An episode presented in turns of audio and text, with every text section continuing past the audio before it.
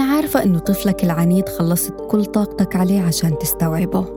بس معلش أنت مش لحالك. في كتير زيك وبرضه مش عارفين يتعاملوا مع أطفالهم. وعلى صعوبة هالشي بس كون متأكد إنه طريقة تعاملك معه حتشكل فرق كبير في شخصيته بالمستقبل. لهيك لازم تستوعب إنه العناد جزء من شخصية طفلك. وما تحتار وتتعب بزيادة لأني حقول لك الأسلوب اللي ممكن تتعامل مع ابنك فيه لحتى يخف عناده اسمع معي وركز وبعينك الله بدك تطول بالك وانت بتتبع هالأسلوب بس تذكر إنه النتيجة حتكون مرضية. أول إشي لا تجادله واسمع طفلك وناقشه لأنه لما تحسسه إنك بتسمعه رح يسمعك. يعني لو بدك ابنك يسيب الجوال ويروح ينام بإمكانك تحضر معه شوية فيحس بالتواصل بعدين بتسأله لو حابب ينام.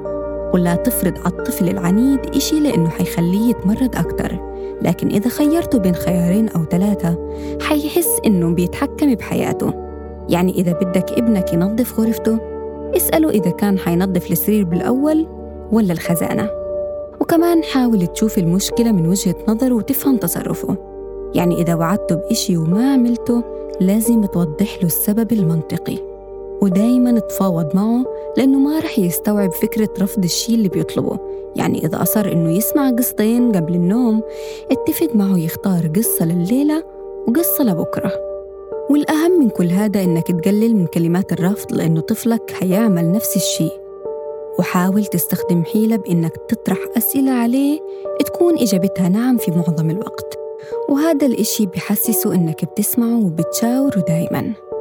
وبهيك بتكون ربيت ابن مش عنيد